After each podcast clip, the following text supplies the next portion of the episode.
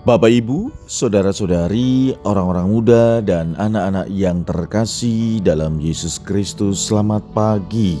Salam bahagia dan salam seroja untuk kita semua berkah dalam.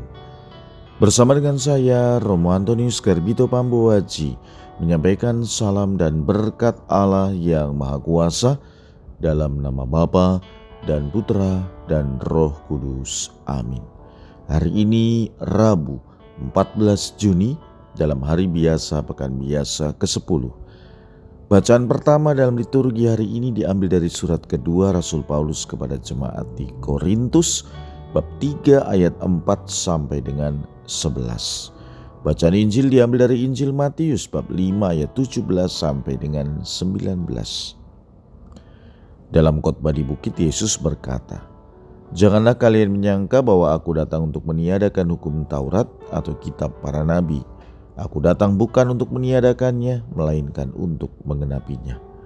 Karena aku berkata kepadamu, sungguh selama belum lenyap langit dan bumi ini, satu yota atau satu titik pun tidak akan ditiadakan dari hukum Taurat sebelum semuanya terjadi.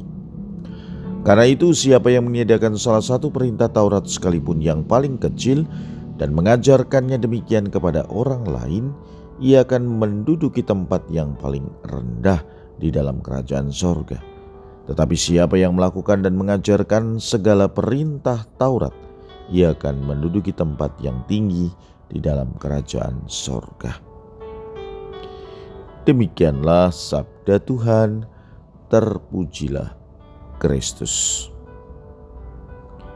Apa maksud pernyataan Yesus.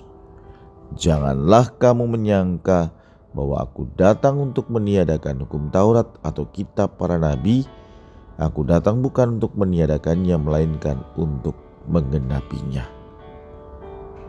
Nyatanya, orang-orang Farisi dan ahli Taurat sering kali memandang Yesus sebagai pribadi yang tidak mematuhi hukum Taurat. Mereka sering mengkritik Yesus karena tidak mematuhi perintah dari hukum Taurat dengan cara sebagaimana yang mereka yakini.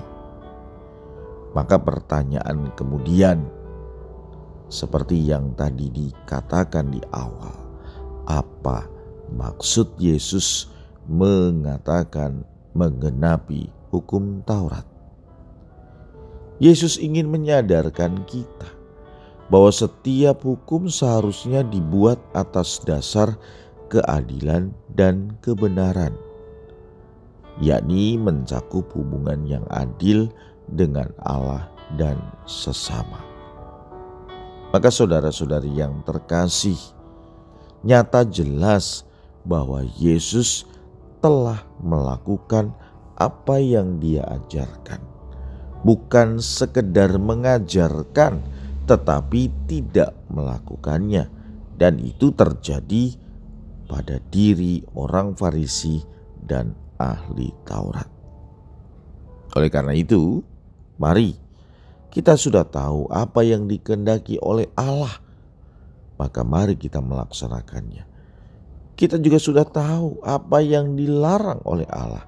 Mari kita menghindari apa yang dilarang oleh Allah itu dengan mentaati apa yang dikendaki oleh Allah dalam hidup ini. Marilah kita berdoa. Ya Tuhan, semoga kami setia melakukan apa yang Engkau kehendaki. Berkat Allah yang Maha Kuasa, dalam nama Bapa dan Putra dan Roh Kudus.